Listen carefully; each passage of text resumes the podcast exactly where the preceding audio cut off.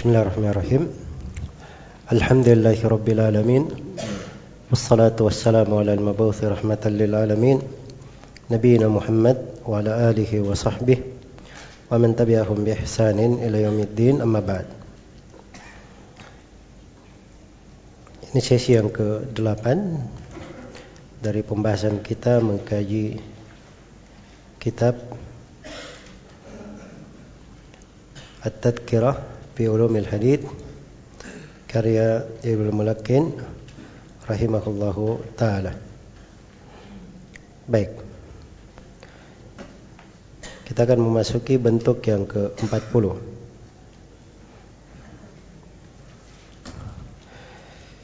di halaman 72 dari buku panduan berkata penulis rahimahullahu taala wa adabul muhaddis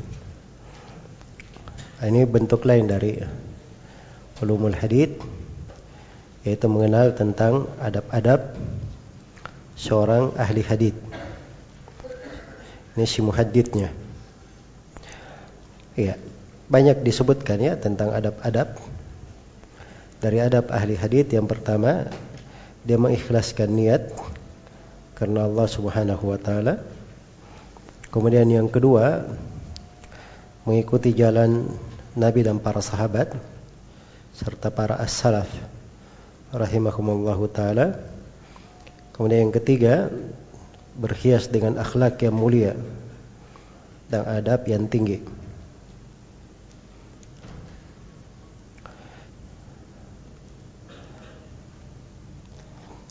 Kemudian yang keempat menjauh dari maksud-maksud dunia dan menghindari hubur riasa, cinta kepada kepemimpinan atau diorangkan. Dan yang kelima dari adab ahli hadith tawadhu merendah diri dan juga dari adab yang besar dia beramal dengan ilmunya jadi panutan untuk murid-muridnya, suri tauladan bagi orang awam.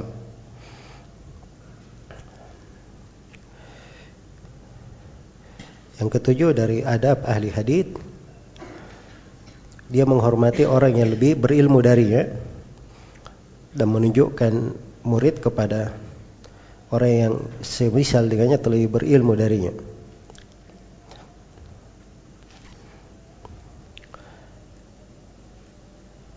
Juga di antara adabnya dia menghormati dari majelis ilmu. Ya. Sehingga kalau dia datang ke majelis ilmu dengan pakaian yang bagus dengan kondisi yang baik.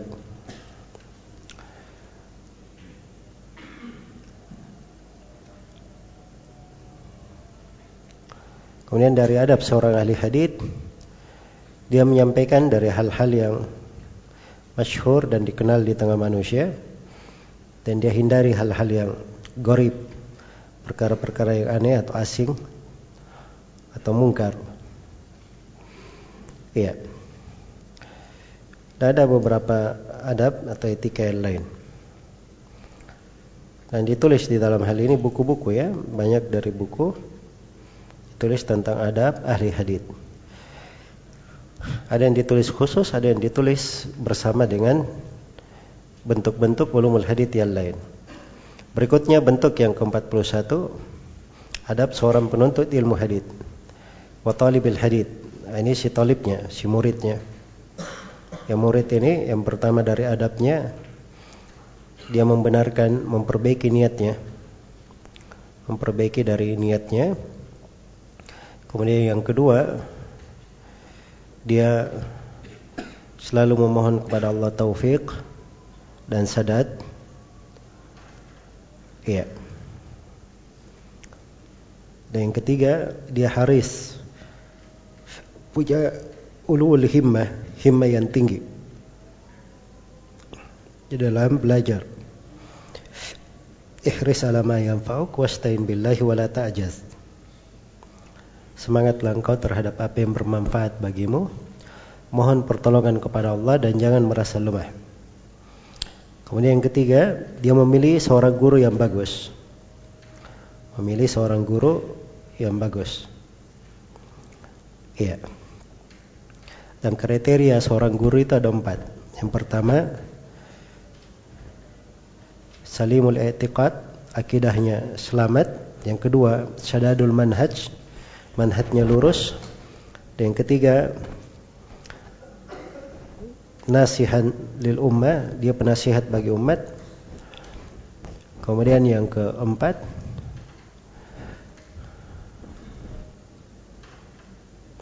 dia ahli di bidang yang diajarkan. Itu empat kriteria guru. Kemudian dari etika seorang penuntut ilmu hadith, kalau di negerinya ada banyak guru, maka diambil dari guru di negerinya yang paling terkenalnya dan paling bagus agamanya dan paling luas ilmunya. Dia mulai dulu dari yang paling tuanya, yang paling terkenalnya, paling banyak agama, eh, paling banyak ilmunya dan paling luas pengetahuannya. Nah, itu dasarnya di dalam belajar. Jangan dia luputkan orang yang dituakan padahal dia ada. Tapi bukan artinya dia menutup diri dari siapa yang dibawanya. Kemudian dari adab talibul hadith adalah rihlah, melakukan rihlah perjalanan dalam menuntut ilmu hadith.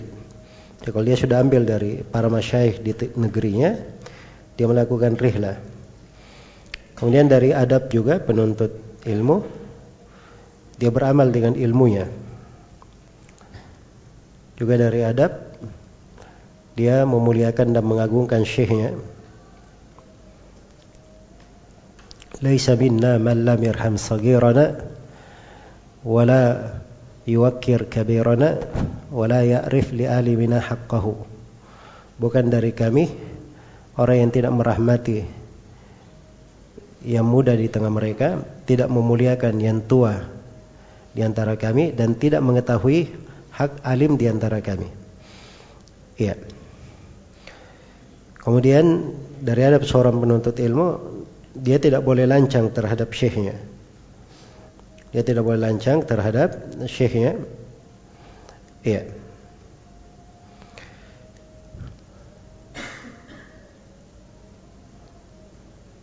Karena su'ul khuluq, jelek akhlak kepada seorang guru itu seperti yang dikatakan oleh Ibnu Salah Fainahu yuhsha ala fa'ili dhalik ayyuhramal intifa. Dikhawatirkan orang yang melakukan itu dia diharamkan mengambil manfaat. Iya. Kemudian dari adab juga adalah seorang murid dia ya tarif bi fadli syekhi. Iya. Dia mengakui keutamaan syekhnya dan mengarahkan orang lain untuk belajar darinya.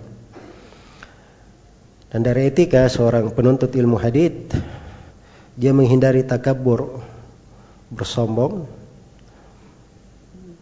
dan juga dia tidak malu di dalam belajar.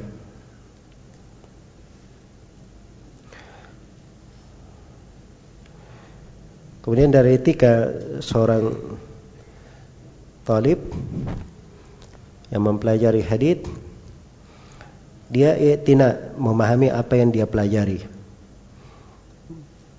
Ya, menjaganya dan mengulanginya. Baik. Jadi ini semuanya ada ya di dalam buku-buku yang memuat adab. Ada buku Al-Khatib Al-Baghdadi, Al-Jami' li Akhlaqir Rawi wa Adabis Sami'. Ada juga buku Al-Khatib, judulnya Al-Faqih wal Mutafaqih. Ya, ada buku As-Sam'ani judulnya Adabul Imla wal Istimla. Adabul Imla wal Istimla.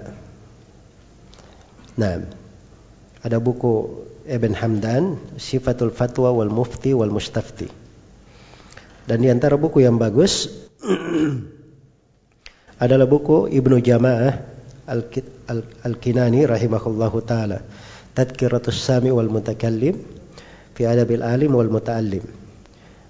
Di antara buku yang bagus juga adalah buku yang ditulis oleh Abu Bakar Al-Ajurri judulnya Akhlakul Ulama. Dan di masa kita ini ada buku yang masyhur untuk adab dan etika untuk seorang guru dan talibul ilm Hilya Talibul Ilm karya Bakar bin Abdullah Abu Zaid rahimahullahu taala. Baik.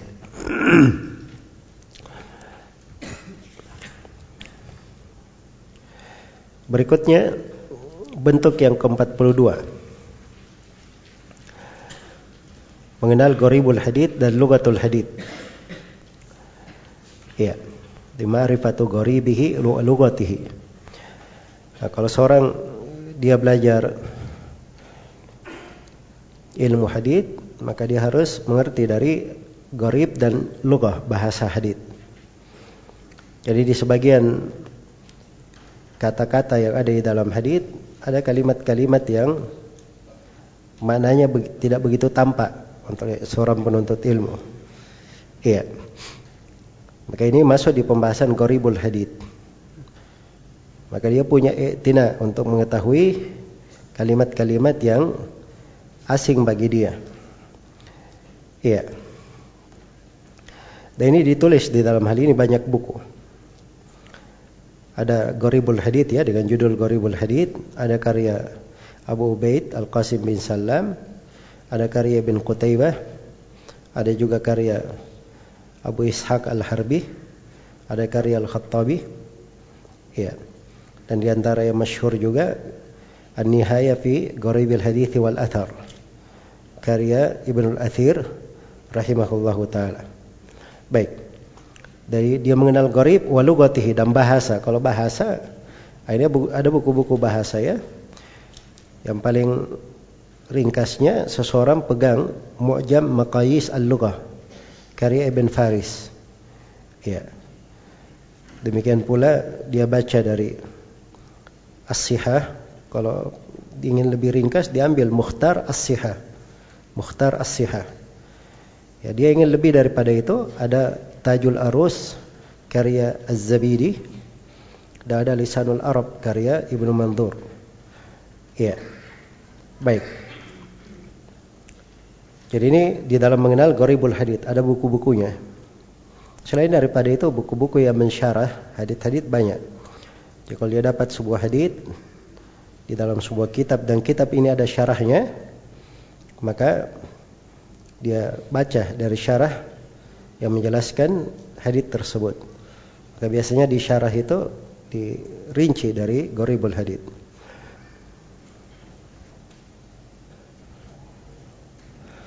Baik, bentuk yang ke-43. Tafsiru ma'na al-hadith. Tafsir makna hadith, istimbat dan pengajuan hadith. Kata beliau wa tafsiru ma'anihi. Ini mana-mananya perlu ditafsirkan Iya. Jadi ada buku-buku yang mensyarah tentang ma'ani. Menafsirkannya. Seperti buku At-Tahawi, Syarah Ma'ani Al-Athar. Judulnya.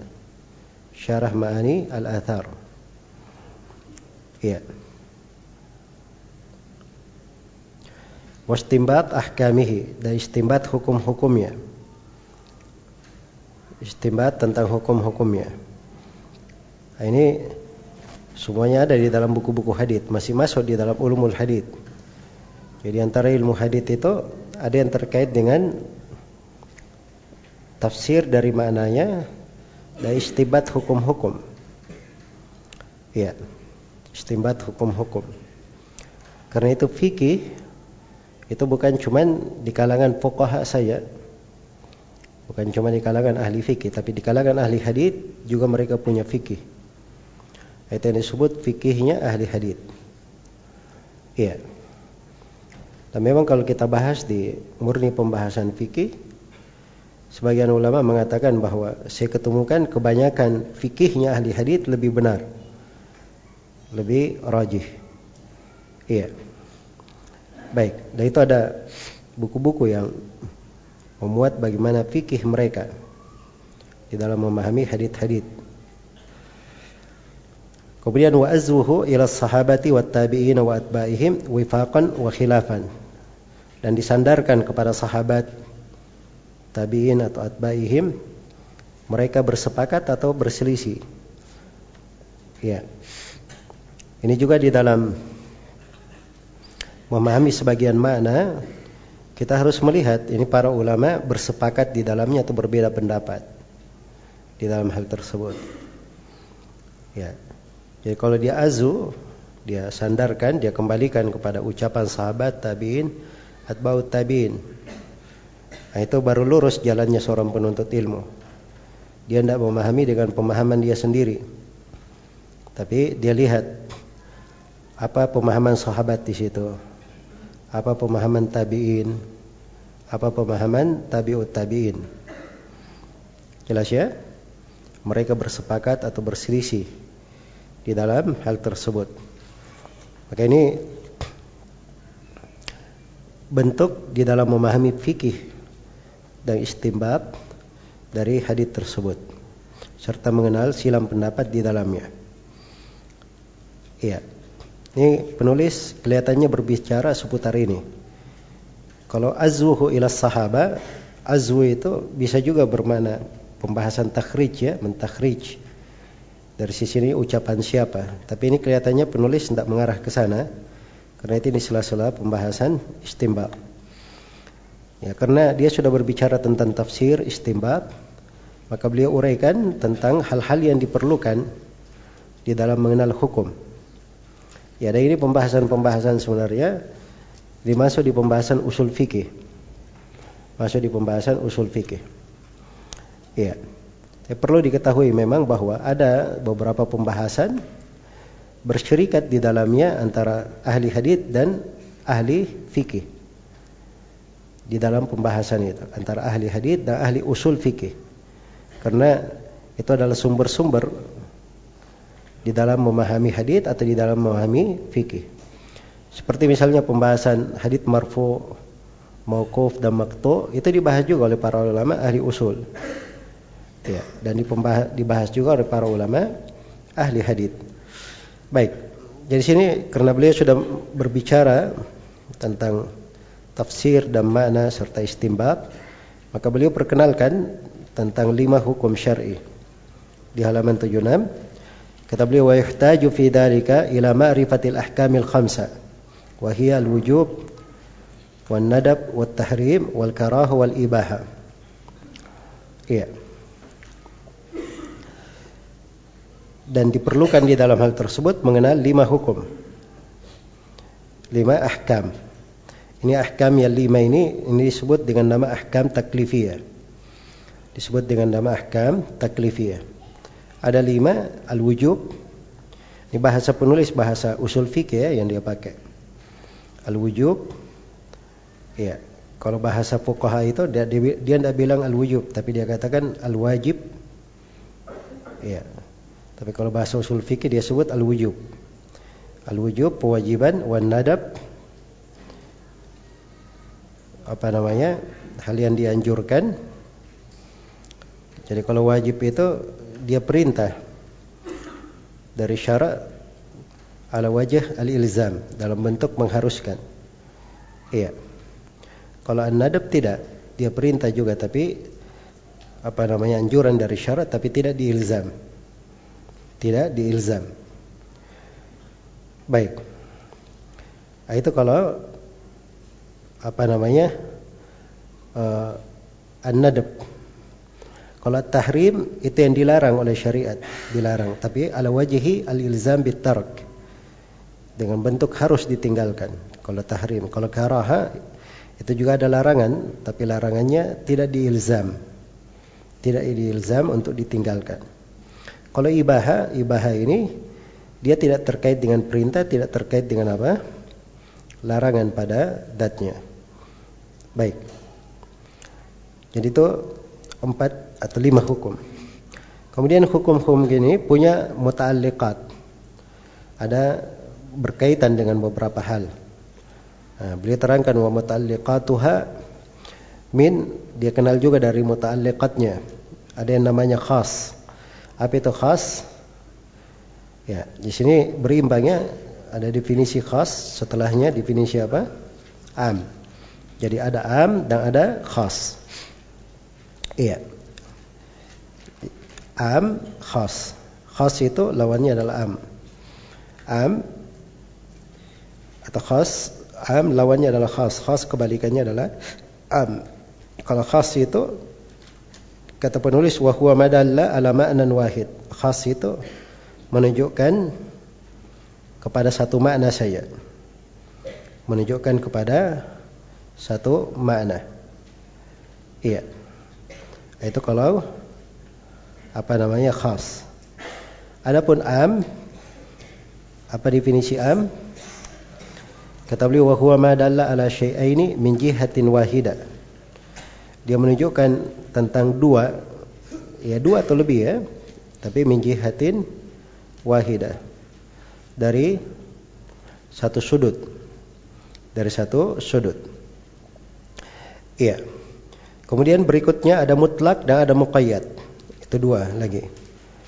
Apa itu mutlak? Kata beliau wal mutlak wa huwa ma dalla ma'nan wahid ma adami ta'yinin fihi wala syart. Mutlak itu apa yang menunjukkan satu makna tetapi tidak ada ta'yin dan tidak ada syarat. Itu mutlak. Jelas ya? Baik. Lawan dari mutlak apa? Muqayyad. Lawan dari mutlak adalah muqayyad.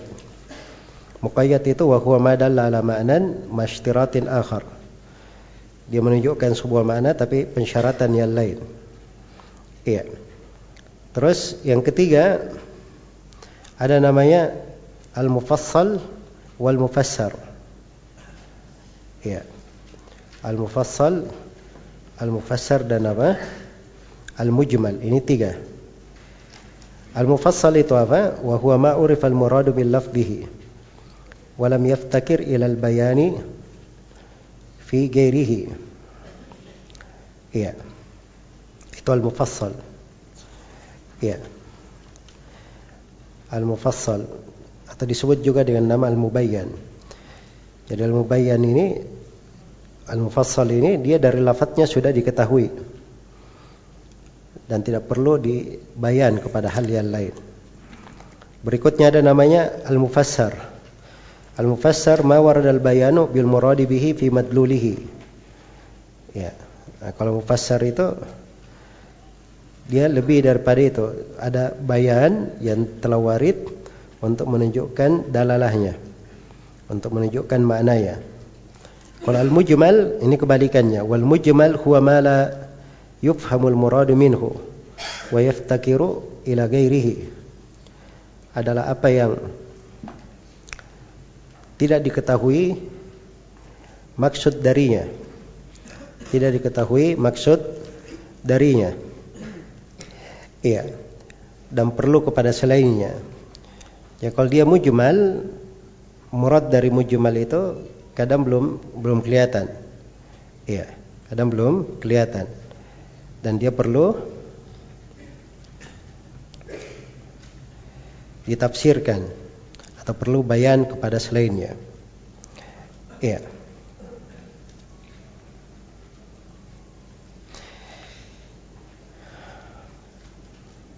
Baik.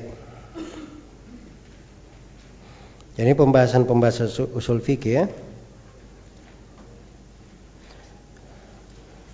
Saya tidak terlalu apa namanya meluas di sini di dalam membahasakannya karena ini sebenarnya bukan di pembahasan kita hanya penulis rahimahullahu taala mengingatkan penulis mengingatkan oh ini kalau ingin tahu tentang istimbat hukum dia harus tahu ini juga ada kaitannya tapi dari sisi ilmu terkait dengan ilmu dia sebenarnya masuknya di pembahasan ilmu apa Hah?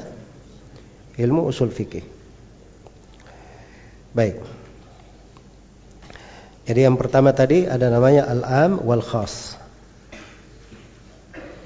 Ada yang umum dan ada yang apa? Ada yang khusus. Iya. Ada yang umum dan ada yang khusus. Baik. Kemudian ada namanya lagi yang kedua, tadi apa? al-mutlak wal muqayyad. Iya. Terus ada lagi namanya al-mujmal wal mubayyan. Atau di bahasa penulis di sini al-mufassar. Al-mufassar dengan apa? Al-mufassal. Baik. Jadi ini semuanya ada contoh-contohnya ya di pembahasan ilmu usul fikih. Dan ada urean-ureannya. Perbedaan antara keduanya. Ini kalau saya bicara di sini akan masuk kita di pembahasan usul fikih. Baik, setelah itu beliau menjelaskan bahwa ada cara di dalam mentarjih. Kata beliau wat tarajih bainar ruah dan dia punya tarajih, cara-cara mentarjih antara para rawi. Ya, dia tarjih bisa min jihati adat dari arah banyaknya jumlah. Ya, dari arah banyaknya jumlah mal istiwa'i fil hifdz bersama dengan seimbang di dalam hafalan. Jadi kalau hafalannya seimbang, nah, maka diterjih dilihat jumlahnya, siapa yang paling banyak jumlahnya. Baik. Kadang dilihat juga mijihatil adat dari sisi jumlah. Ya, dilihat mata bayun. Nah, dilihat perbedaan antara jumlah itu apa, di mana bedanya. Dan selain daripada itu, Ya, saya sudah terangkannya bahwa kalau kita berbicara tentang aujuh at-tarjih, tentang cara-cara mentarjih, ini jumlahnya banyak ya.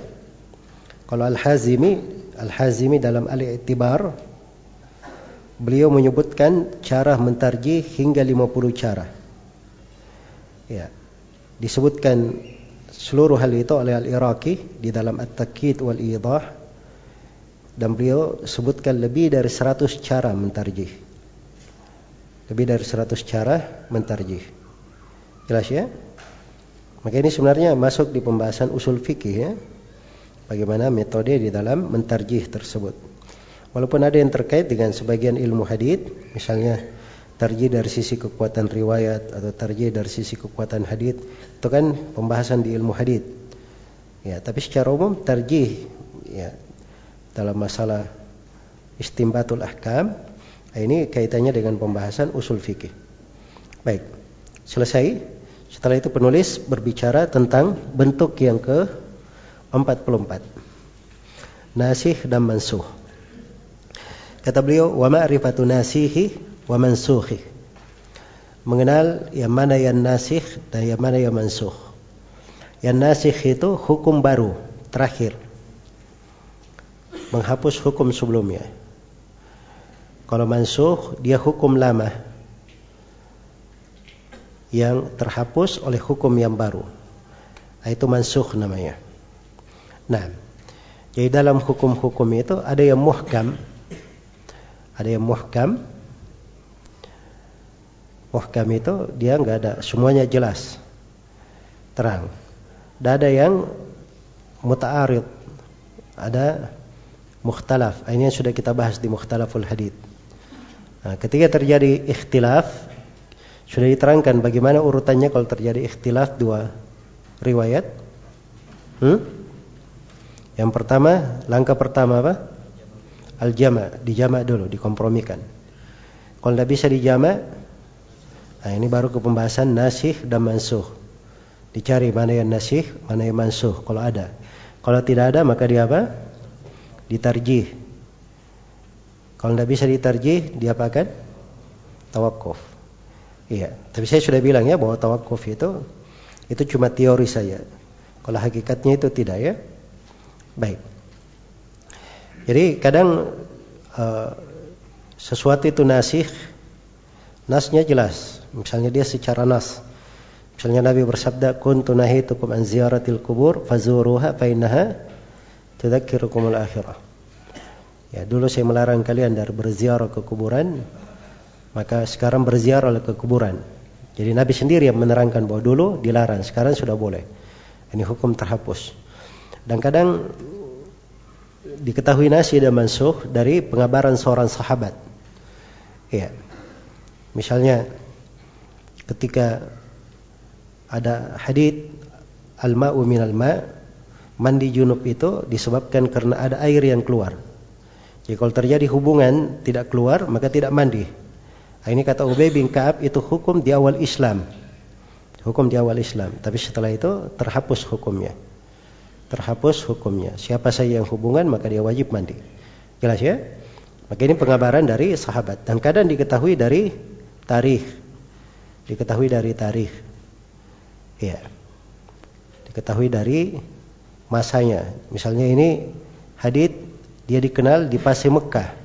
Dan hadith yang kedua dia dikenal di fase Medina. Nah, ini kan diketahui yang mana yang belakangan. Baik. Iya.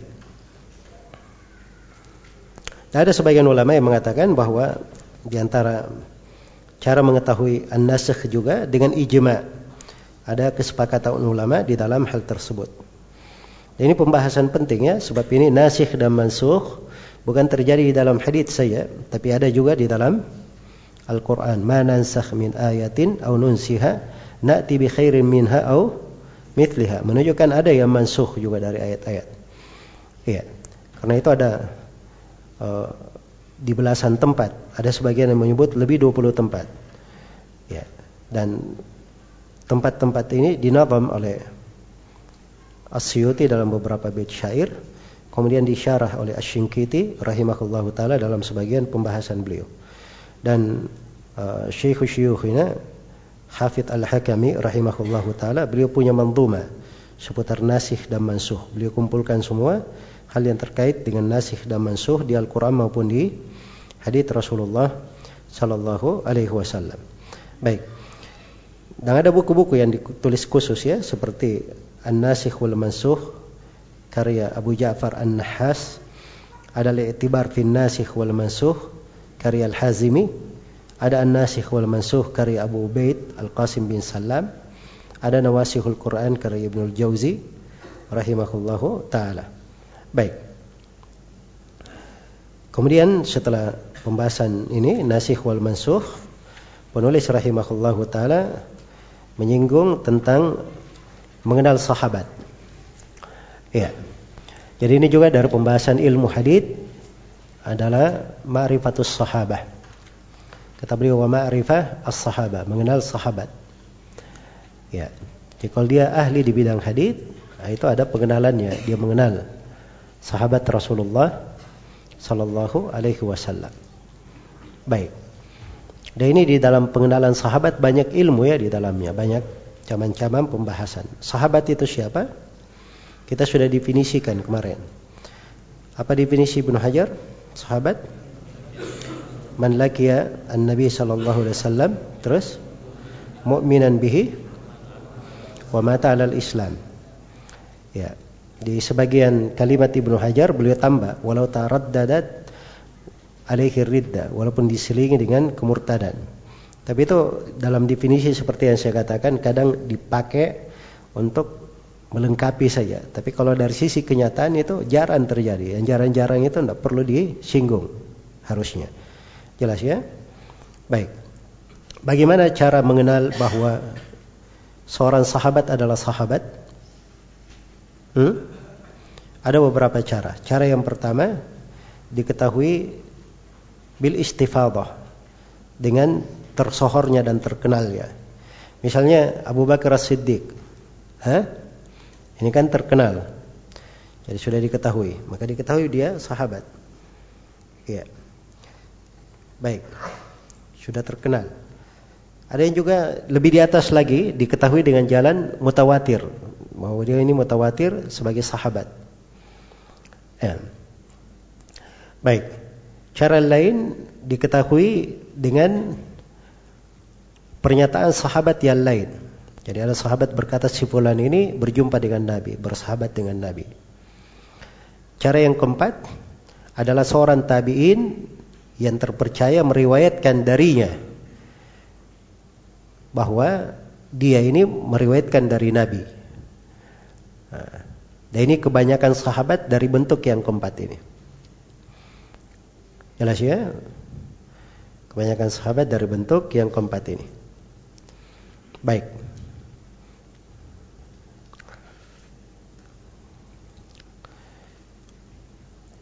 Atau dari sahabat itu sendiri dia berkata bahwa saya bersahabat dengan Nabi Sallallahu Alaihi Wasallam. Sepanjang jalur periwayatan kepada sahabat ini sudah syah, dia berucap begitu, maka ucapannya harus diterima.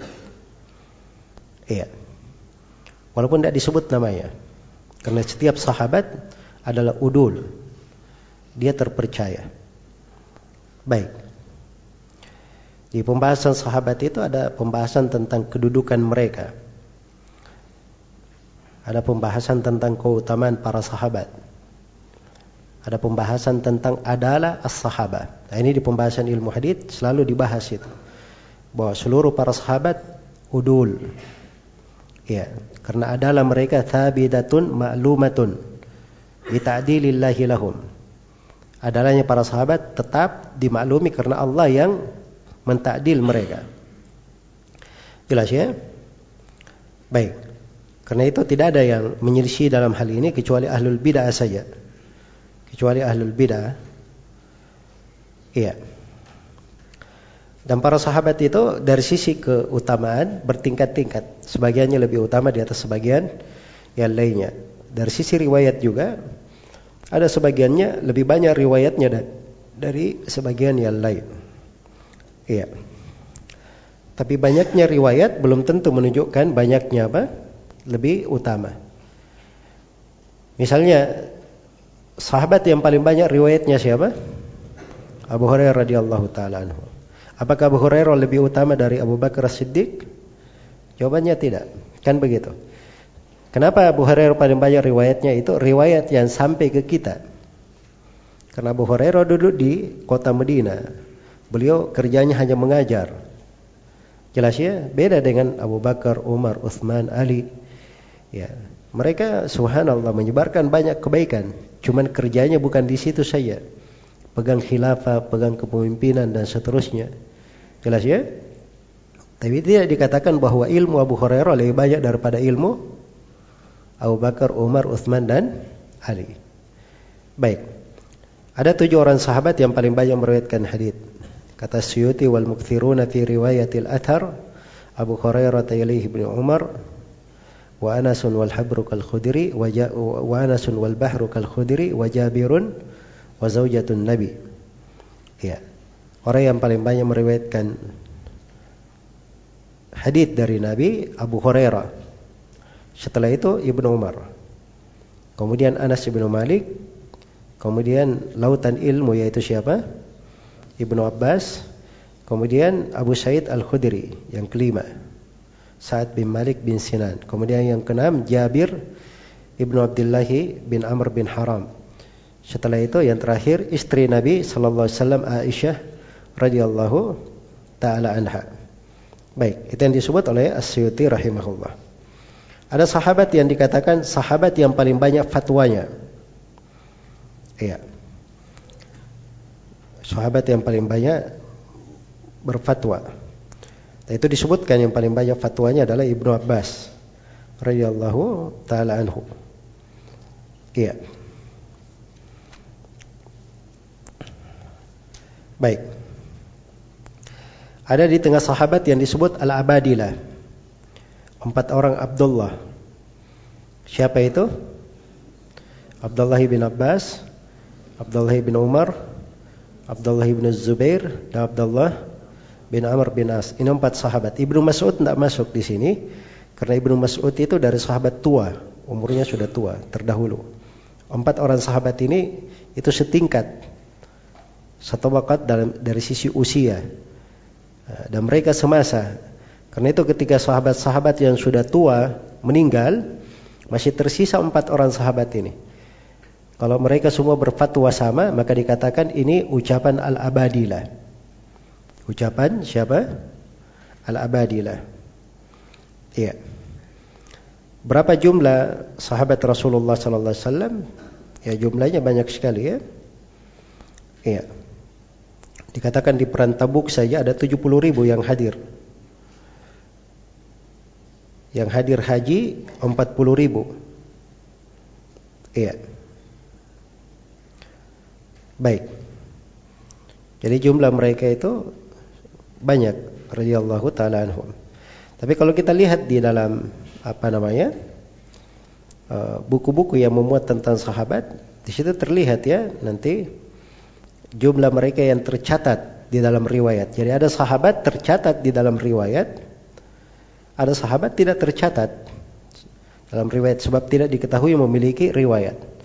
Jadi kalau kita baca buku-buku yang memuat sahabat terkait dengan riwayat, misalnya disebut jumlahnya 20 ribu, nah itu belum tentu cuma 20 ribu. Ya, kadang mereka jumlahnya lebih banyak daripada itu. Kan sahabat juga ada yang meninggal di peperangan, di jihad dan seterusnya. Radhiyallahu taala anhum ajmain. Nah, sahabat yang paling pertama masuk Islam siapa? Hmm? Dari orang bebas, dari orang merdeka siapa? Abu Bakar As-Siddiq. Dari anak kecil Ali bin Abi Thalib. Dari perempuan Khadijah bintu Khuwailid. Dari maula hmm? Zaid ibn Harithah. Dari budak hmm? Bilal. Baik. Jadi ini yang disebut sebagai sahabat yang paling pertama masuk Islam. Baik. Sahabat yang paling terakhir meninggal siapa? Hmm? Secara mutlak yang paling terakhir meninggal secara mutlak. Kalau kita masuk dalam rincian ada sahabat yang paling terakhir meninggal di Kufah, yang paling terakhir meninggal di Mekah. Tapi yang paling terakhir meninggal secara mutlak dari sahabat adalah Abu Tufail, Amir bin Wathilah. Radhiyallahu taala anhu meninggal pada tahun 100 Hijriah. Baik, ada buku-buku yang ditulis tentang sahabat. Kita berbicara di buku-buku yang tercetak saja ya. Ada yang tidak tercetak banyak. Tapi yang terkenal itu ada buku uh, siapa? Ibnu Abdul Bar, judulnya Al-Istiab fi Ma'rifati Al-Ashab. Juga ada, ada buku Ibnu Hajar, judulnya Al-Isabah fi Tamyiz As-Sahabah. Juga ada buku Usdul Ghabah fi ma'rifati as-sahabah karya Ibnu Al-Athir. Nah, itu buku khusus ya tentang sahabat. Ya, dan ada buku-buku lain selain daripada itu.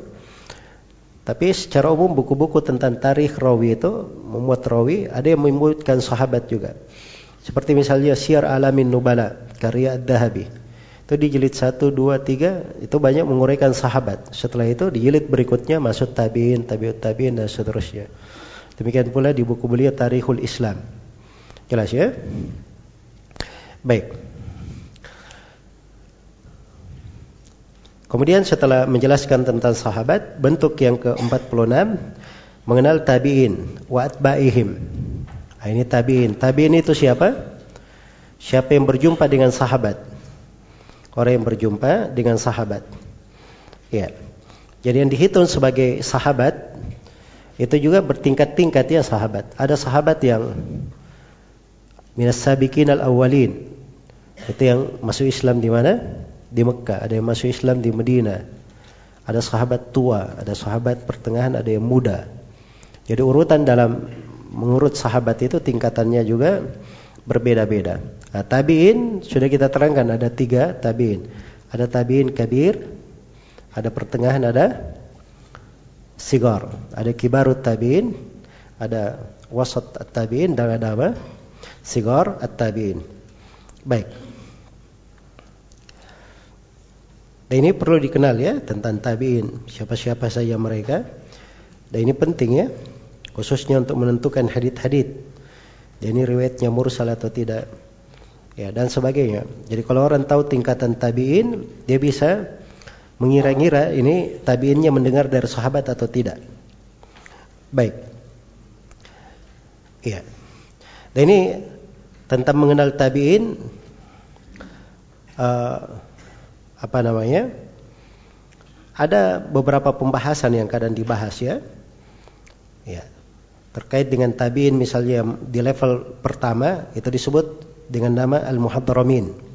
Muhaddaramin itu dia sebenarnya mendapati masa Nabi hidup ketika Nabi hidup tapi tidak berjumpa dengan Nabi karena tidak berjumpa dengan Nabi namanya bukan sahabat tapi namanya apa?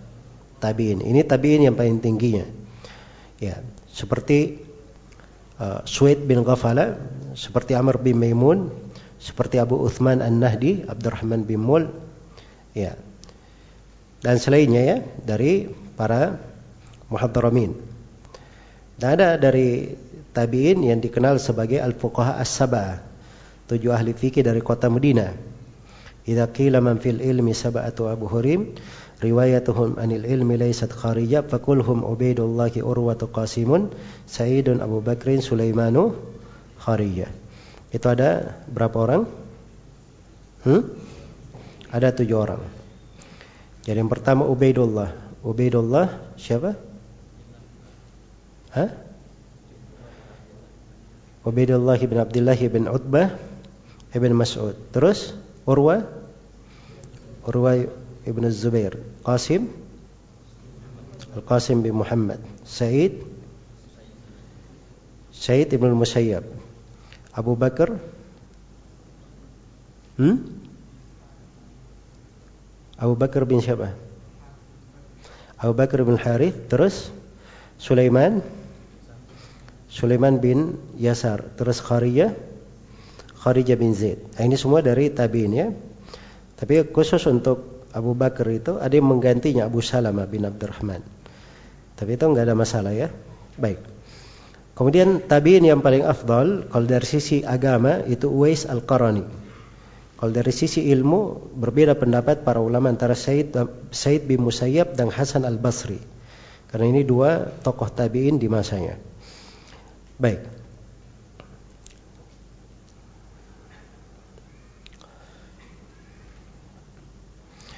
Berikutnya penulis berpindah menjelaskan tentang riwayat al-akabir anil asagir. Ya. Jadi riwayat orang yang lebih tua kepada orang yang lebih muda. Kenapa ada pembahasan ini riwayat yang lebih tua dari yang lebih muda? Supaya jangan disangka terbalik di dalam sanatnya. Ya. Kalau ada riwayat orang tua kepada yang lebih muda, ah ini kok terbalik. Nah, jelas ya? Baik. Jadi untuk menghilangkan sangkaan ini, maka Nabi Shallallahu Alaihi Wasallam atau uh, apa afwan uh, penulis rahimahullah taala di sini menjelaskan bentuk dari ulumul hadith ini. Baik, kata beliau, "Waman rawa minal akabiri anil asagir" dan siapa yang meriwayatkan dari al akabir dari al asagir. Keriwayat Nabi Shallallahu Alaihi Wasallam an Tamim dari seperti riwayat Nabi dari Tamim ad-Dari. Apa yang diriwayatkan oleh Nabi dari dari Tamim ad-Dari tentang kisah keluarnya Dajjal Ya. Jadi Tamim Ad-Dari sebelum masuk Islam, dia dan kawan-kawannya pernah terdampar di sebuah pulau. Hah? Kemudian dia ketemu dengan Dajjal di pulau itu. Terus sampai kepada Nabi dia ceritakan. Maka Nabi menceritakan kisah itu kepada para sahabat. Dari jalur siapa? Tamim Ad-Dari. Ya. Demikian pula riwayat Nabi dari As-Siddiq. Maksudnya dari As-Siddiq siapa? Abu Bakar As-Siddiq radhiyallahu taala anhu. Ya. Dari Abu Bakar As-Siddiq radhiyallahu taala anhu. Baik. Dan mungkin yang dimaksud uh, mirip ya dengan hadits Tamim dari mungkin Abu Bakar pernah bercerita apa, maka Nabi ceritakan kepada sahabat melalui jalur siapa? Abu Bakar. Wa dan selain dari keduanya. Baik, beberapa penamaan mirip riwayat akabir dari asagir. Ada penamaan mirip ya dari penamanya wa yalaqabu aidan bi riwayatil fadil anil mafdul. Ya, ada di lakab juga riwayat fadil dari mafdul. Ya, kalau fadil dari mafdul ini mungkin saja dari sisi keutamaan tapi dari sisi umur belum tentu seperti itu ya. Tapi kalau yang di atas kan itu kaitannya banyak kepada umur dan tabakat. Tapi kalau al-fadil dari mafdul, mungkin saya dari sisi keutamaan, bukan dari sisi tabakatnya. Wa riwayatul syekh anit tilmid, seperti riwayat syekh dari muridnya. Contoh apa? Bagaimana contohnya? Syekh meriwayatkan dari murid, riwayat Az-Zuhri wa Yahya bin Sa'id wa Rabi'ah wa an Malik. Seperti riwayat Az-Zuhri, Muhammad bin Muslim bin Ubaidillah bin Abdullah. Yahya bin Said yaitu Yahya bin Said Al-Ansari dan Rabi'ah, Rabi'ah bin Abdurrahman. Ini tiga guru Imam Malik. dan selainnya tapi tiga guru ini mereka meriwayatkan juga dari siapa dari Imam Malik sendiri jelas ya maka ini riwayat al-akabir anil asagir iya baik bentuk lain ada namanya wariwayatun nadir anin nadir iya ini saya tidak khususkan ya di sini karena saya nggak tahu ini riwayatun nadir anin nadir ini mirip riwayatul akran mirip riwayat apa? Al-Aqran. Sedangkan riwayat Al-Aqran ya apa namanya itu akan ada nanti pembahasan khusus.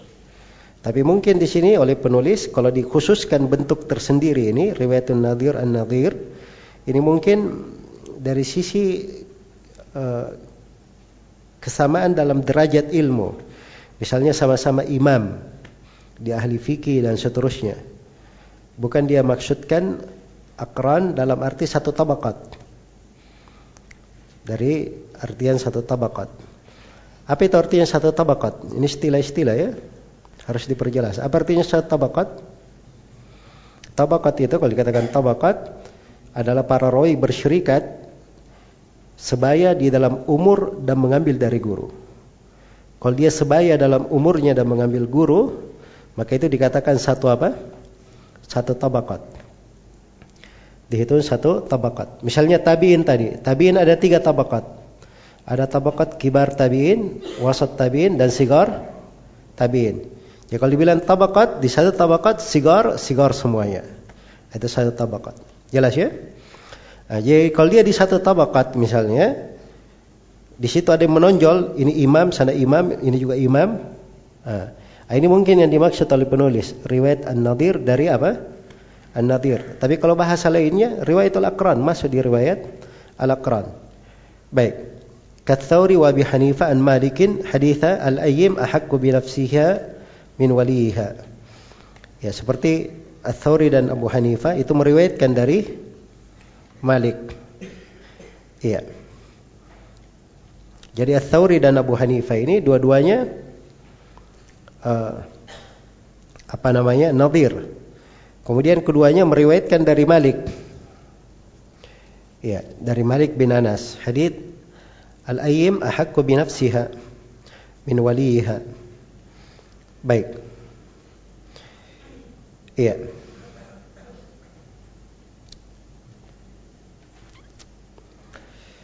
Kemudian bentuk yang saya itu khusus di sini ya, bentuk khusus tapi kelihatannya penulis mengikutkan ke sebelumnya. Masuk ke riwayat Al-Kabir Anil Asagir. Baik, bentuk yang ke-48 riwayat ayah dari anak. Nah, ini kan biasanya anak meriwayatkan dari siapa? Dari ayahnya. Ada yang cucu dari ayah dari kakeknya, kan begitu. Nah, ini terbalik. Ayah meriwayatkan dari siapa? Dari anaknya. Kariwayatil Abbas an ibnihi Al-Fadl seperti riwayat Al-Abbas dari anaknya Al-Fadl bin Abbas. Jelas ya? Bentuk yang ke-49, riwayat anak dari ayah. Ini kebalikannya. Kalau ini memang ma'ruf ya, di dimaklumi. Ya. Baik. Jadi apa faidahnya mengenal riwayat ini? Jadi kalau terbalik misalnya ada ayah meriwayatkan dari anak, orang jangan heran, kok bisa ada ayah meriwayatkan dari anak? Nah, kalau kita tahu bahwa ada bentuk ilmu hadits seperti ini, maka kita memahaminya, bisa memakluminya. Jelas ya? Tidak heran dengan hal tersebut. Baik. Dan sebaliknya riwayat anak dari siapa? Dari ayah. Ya kalau riwayat anak dari ayah ini banyak ya. Ini banyak. Ya, demikian pula ada riwayat anak dari ayah dari kakek. Ya, seperti Bahas bin Hakim dari ayahnya dari kakeknya. Amr bin Shu'aib dari ayahnya dari kakeknya. Ya, dan seterusnya. Baik. Berikutnya yang ke-50, riwayat ibu dari anaknya. Wa kadza riwayatul ummi an waladiha. Riwayat ibu dari siapa? Dari anaknya. Seperti riwayat Umur Ruman. Umur Ruman ini siapa? Umur Ruman. Hah? Istri Abu Bakar As-Siddiq radhiyallahu taala anhu.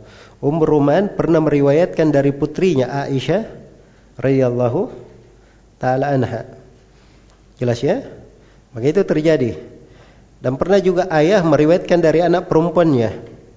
Seperti Anas bin Malik itu pernah meriwayatkan dari putrinya. Kan itu ada di dalam Sahih Bukhari ya. Haddathatni ibnati uh, Aminah. Ya, anakku Aminah menceritakan kepadaku. Nah, berarti di sini riwayat ayah dari siapa? Dari putrinya. Baik. Dan seperti ini jarang ya. Jadi kalau disebut dalam bentuk ulumul hadith itu untuk mendetailkan pembahasan, mendetailkan pembahasan. Bentuk yang ke-51 namanya riwayat mudabbaj. Ini mulai banyak istilah-istilah lewat ini. Hah? Banyak istilah-istilah lewat. Ya, makanya sebagian istilah itu cuma perlu dihafal saja. Dibiasakan menghafal. Ya, setelah dipahami dihafal. Nah, sebab kalau tidak dihafal ya, sulit nanti mengingat istilahnya. Kalau dia tidak hafal dia harus baca berulang kali baca berulang kali supaya melekat di hatinya. Nah, ini namanya mudabbaj. Kata beliau wa ma'rifatu al-mudabbaj wa huwa riwayatul aqran ba'dhum an ba'd.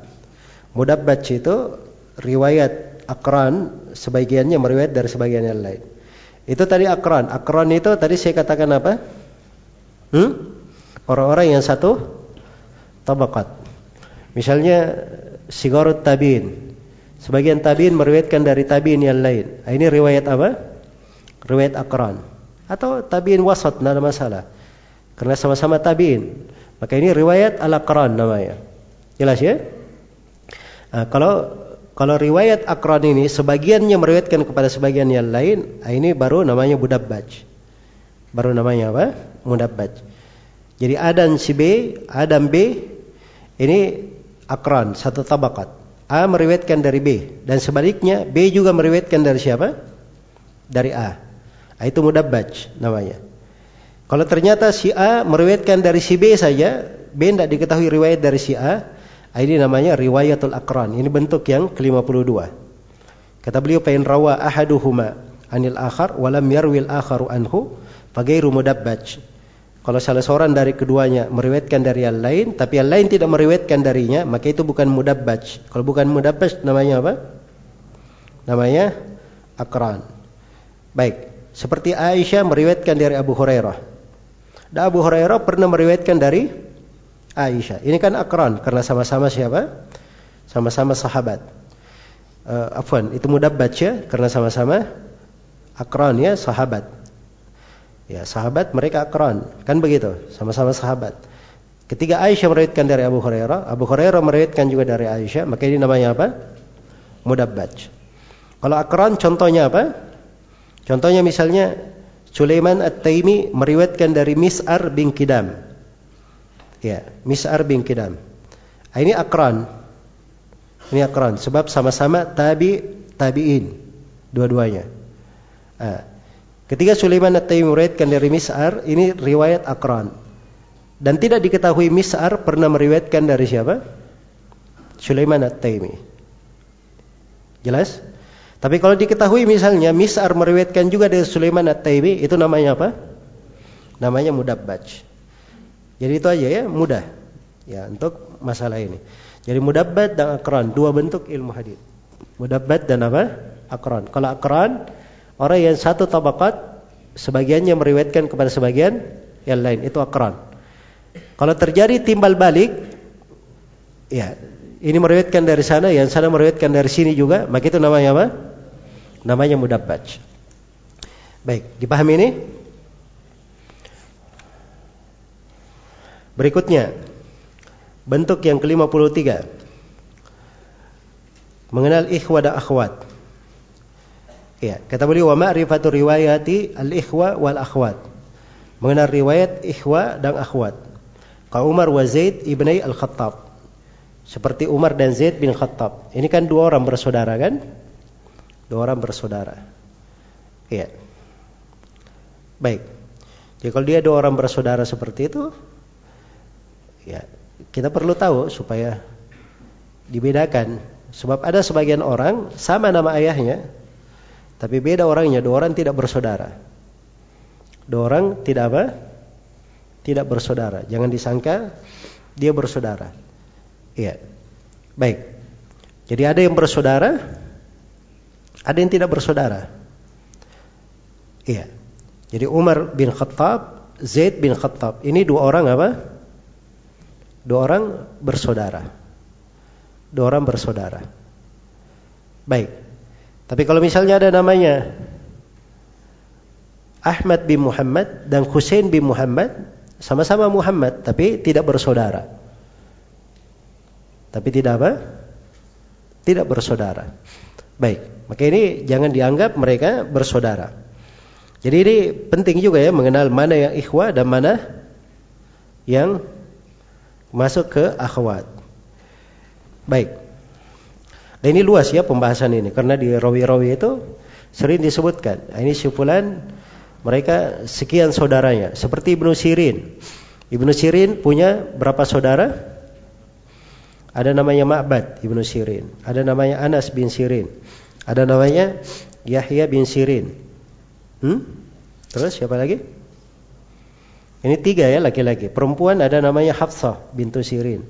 Ada namanya Karimah bintu Sirin. Ditambah Muhammad bin Sirin semuanya berapa? Enam orang. Ah, ini Alu ibnu Sirin. Ya. Alu ibnu Abi Syaibah. Anaknya Ibn Abi Syaibah. Abu Syaibah ini kakek ya. Ya, ada Abu Bakar bin Abi Syaibah. Ya, Abu Bakar bin Abi Syaibah namanya siapa? Hah? Abdullah bin Muhammad bin Ibrahim bin Uthman. Ada saudaranya lagi yang lain namanya Uthman. Jadi Uthman bin Muhammad bin Ibrahim bin bin Uthman. Iya. Ada saudaranya lagi yang ketiga. Siapa namanya? Hmm?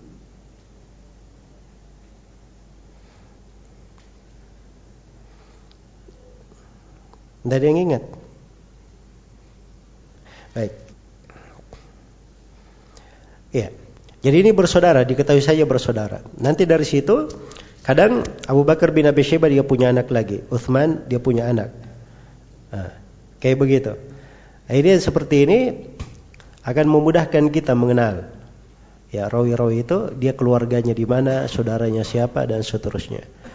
Baik. Berikutnya Bentuk yang ke-54 as-sabiq wal lahiq. Ya. Apa itu as-sabiq wal lahiq? Kata beliau, "Wa man ishtaraka anhu fi riwayati ithnani taba'ada ma baina wafatayhima rawahu anhu wa kadha al-Khaffaf wa baina wafat wafatayhima mi'atun wa sab'un wa thalathuna sana au akthar." Ya. Baik. Kata beliau rahimahullahu taala As-sabiq wal lahiq itu adalah dua orang yang bersyirikat di dalam periwayatan.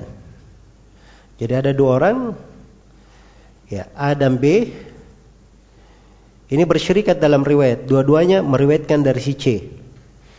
Tapi wafat antara A dan B ini wafat keduanya sangat jauh sekali sangat jauh. Jelas ya?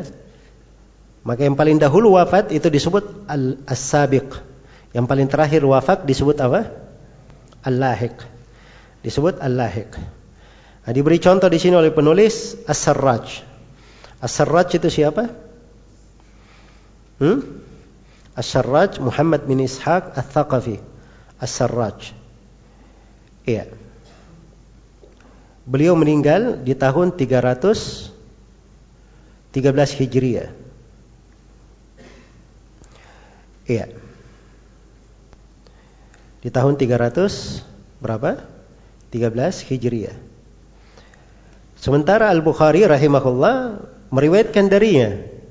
Jadi subhanallah As-Sarraj ini dia sudah ada di masa Al-Bukhari, cuman Al-Bukhari pernah berguru kepadanya.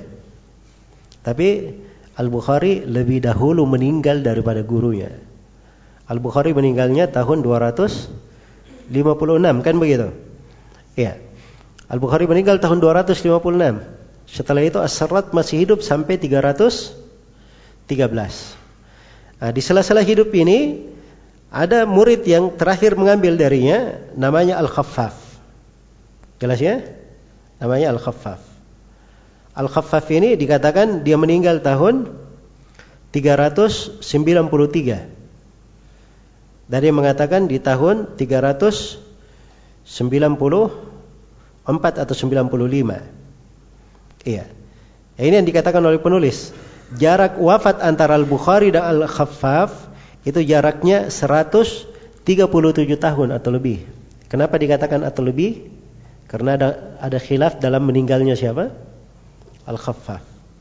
Ada yang mengatakan 393, ada yang mengatakan 394, dan ada yang mengatakan 395. Ya, dihitung aja. Sekarang anggaplah kita hitung berapa? 393. Al-Bukhari meninggal tahun 256. Berarti paling sedikitnya memang ya 100 berapa? 33 paling sedikitnya kan begitu. Tapi kalau diambil yang di atasnya mungkin lebih. Nah, ini yang disebut oleh penulis rahimahullah. Maka ini namanya as-sabiq apa? Wallahi. Contoh lain. Anas bin Malik radhiyallahu uh, Anas bin, atau Malik bin Anas rahimahullah, Imam Malik. Iya. Imam Malik. Dari murid beliau Az-Zuhri. Dari murid beliau siapa? Az-Zuhri.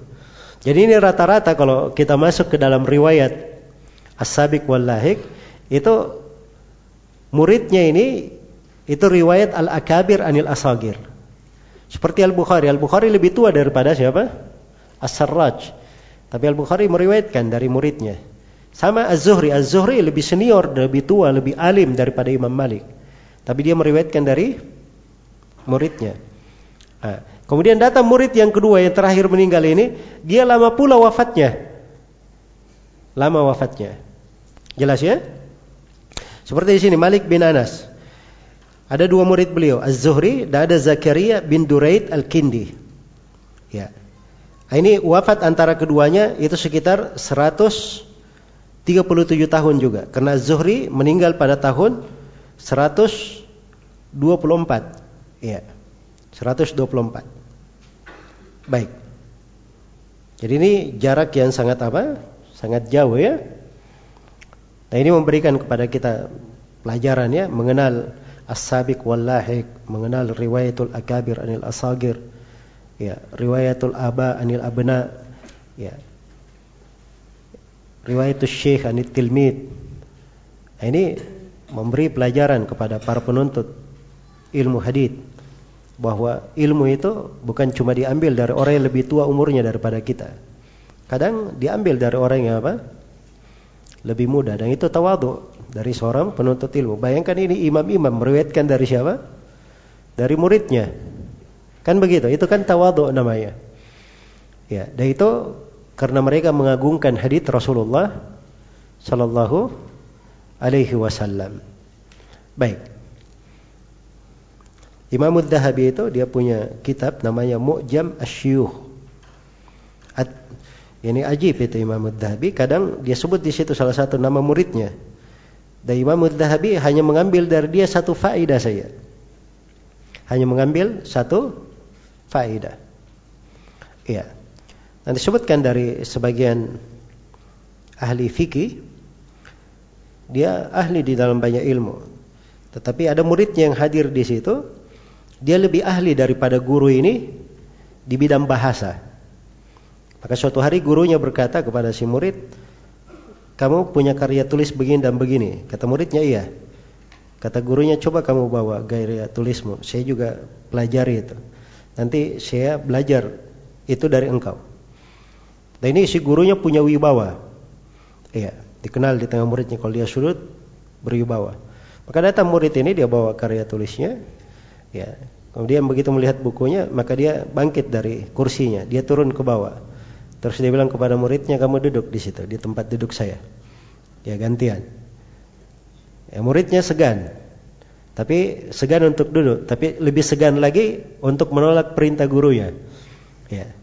Dia tidak berani menolak, maka dia duduk saya terpaksa. Akhirnya ya syekhnya ini dia baca buku itu, kemudian dia tanyakan apa yang dia tanyakan, setelah selesai dia balik kembali duduk ke kursinya. Jelas ya? Nah, ini etika dan akhlak di kalangan para ulama rahimahumullahu taala. Ya sehingga kelihatannya bahwa ilmu itu di tengah mereka kadang ilmu itu sebagian alim dia jaga wibawa ilmu. Ada sebagian alim yang kadang ilmu itu dia jaga kemudahannya di tengah manusia, beraneka ragam uslubnya para ulama itu. Ya tidak usah jauh-jauh ya dekat-dekat saya. Ya kalau lihat Syekh bin Bas itu rahimahullah, semua orang itu bisa dekat dengan beliau, datang bertanya. Orangnya berwibawa, tapi semuanya cinta kepada beliau, mudah bertanya. Ya, kalau kita lihat guru kami Syekh Ahmad An-Najmi, itu subhanallah, orang siapa saja bisa bertanya kepada beliau. Ya. Orangnya lembut dan seterusnya. Jelas ya? Tapi ada sebagian guru, tidak semua orang bisa bertanya sama dia. Baru lihat mukanya saja sudah lupa. Ya, pertanyaan. Nah, itu yang kadang uh, terlihat. Saya pernah sekali di kantor Syekh Soleh Fauzan ada murid beliau yang datang. Ya. Orang ini berkata, saya tadi masuk ke Syekh bertanya. Begitu saya masuk ke dalam, bu, apa namanya, bubar semua pertanyaan di yang saya sudah siapkan. Ya. Padahal ini orang mulazim di pelajaran-pelajaran Syekh. Saya bilang Syekh ini seperti yang dikatakan tentang Imam Malik. Ya abal jawab fala yuraja'u haibatan wasailuna nawakisul atqari. Kalau dia sudah tidak mau menjawab, tidak ada yang berani bertanya ulang kepadanya. Kalau ada yang bertanya kepada Imam Malik, dia pasti menundukkan matanya, menundukkan apa namanya? kepalanya. Tidak berani diangkat kepalanya ke Imam Malik. Bukan karena Imam Malik itu apa namanya garang, kemudian Imam Malik ini keras tidak, tapi itu wibawa seorang alim. Ya wibawa seorang alim. Jelas ya? Jadi ada ulama yang seperti itu kadang ya bertanya. Dan itu pemberian dari Allah Subhanahu wa taala. Kadang ilmu itu dijaga seperti itu. Jadi kalau ada seperti itu biasa saja, ya. Biasa saja dianggap sebagai hal yang biasa, diketahui saja bahwa setiap alim itu Allah berikan keutamaan begini, Allah jadikan dia akhlaknya begini dan begini dan seorang penuntut ilmu dia cocokkan dirinya pada setiap alim yang dijumpai itu bagaimana apa namanya uh, dia berbicara kepadanya. Baik. Selesai ya pembahasan as-sabiq wal lahiq. Berikutnya bentuk yang ke-55, riwayat al-wuhdan. Kata beliau, "Wa man lam yarwi anhu illa wahidun minas sahaba, faman ba'dahum Muhammad ibn Safwan lam yarwi anhu ghairu syabi." Iya. Ada namanya al-wuhdan. Apa itu al-wuhdan? Al-Wahdani itu adalah siapa yang tidak ada rawi darinya kecuali satu orang saja. Kita al-Wahdan. Jadi dia tidak memiliki rawi kecuali berapa? Satu orang saja. Ada dari kalangan sahabat, dan ada dari kalangan selain sahabat. Iya. Baik. Itu disebut dengan nama Al-Wahdan. Baik.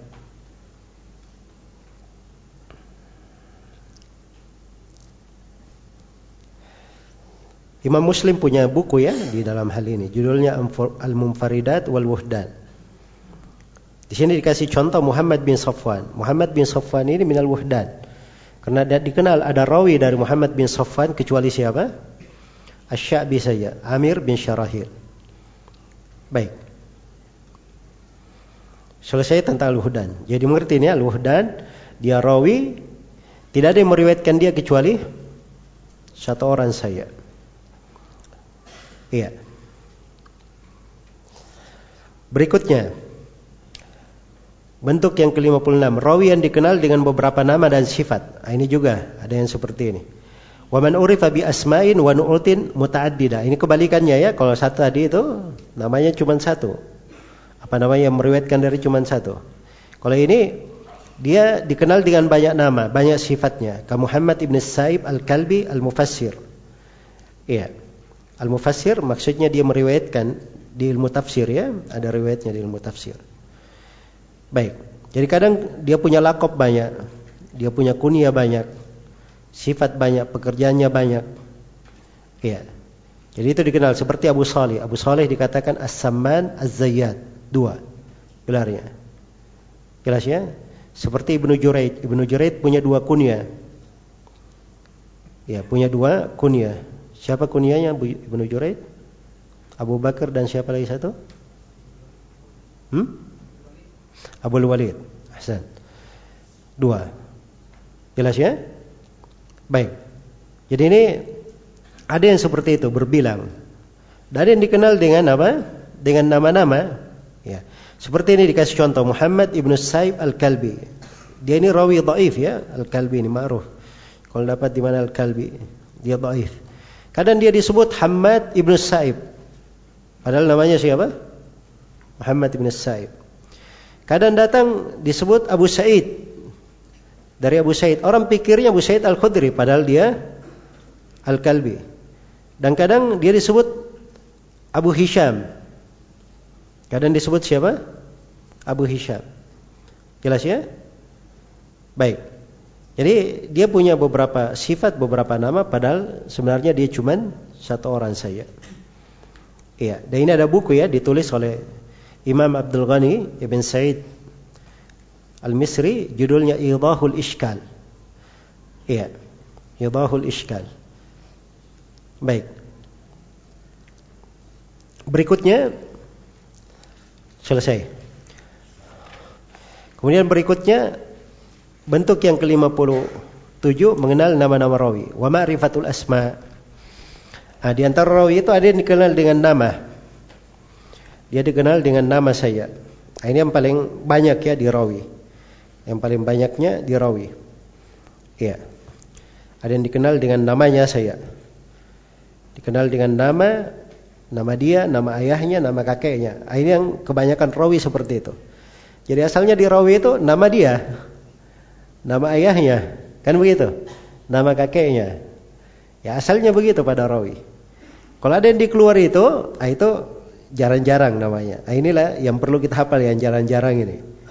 Ya supaya jangan uh, jatuh. Walaupun sering berulang ya seperti Ahmad bin Yunus al-Yarbu'i. Dia Ahmad bin Abdullah bin Yunus al-Yarbu'i.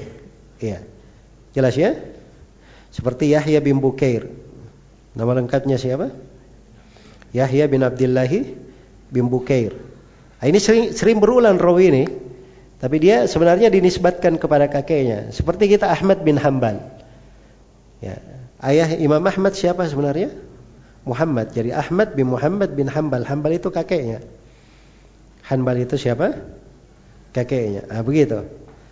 Baik. Tapi asalnya kalau kita cari nama ya Muhammad ibn al-Ala. Siapa nama ayahnya? Hah? Ya ala kan begitu asalnya. Jelas ya? Asalnya seperti itu. Ubaidullah bin Musa, siapa nama ayahnya? Ya Musa, itu asalnya. Itu asalnya. Dan kebanyakan rawi seperti itu. Dikenal dengan namanya. Yang kedua, mengenal kunya, wal kuna, kunya-kunya. Nah, ada yang ditulis tentang kunya-kunya. Jadi ada orang-orang dikenal dengan kunyanya. Ya, Dikenal dengan nama, dikenal dengan kunyah. Jelas ya? Dikenal dengan kunyah. Seperti misalnya Abu Duha. Abu Duha siapa? Hmm?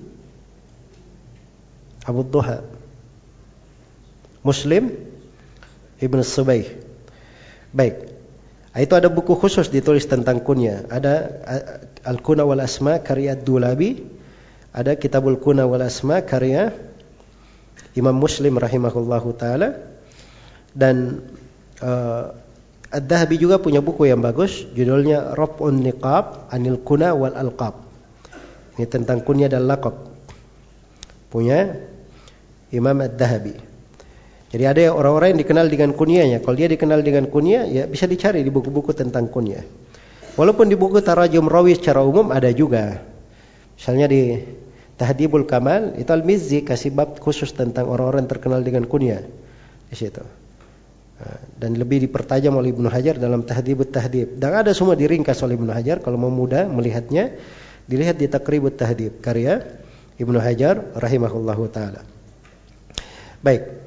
Bentuk yang ke-59 mengenal lakop-lakop rawi wal alqab ada rawi-rawi yang dikenal dengan lakabnya seperti Al-Amash. Al-Amash apa artinya? Siapa namanya? Al-Amash? Sulaiman bin Mihran Abu Muhammad Al-Kufi.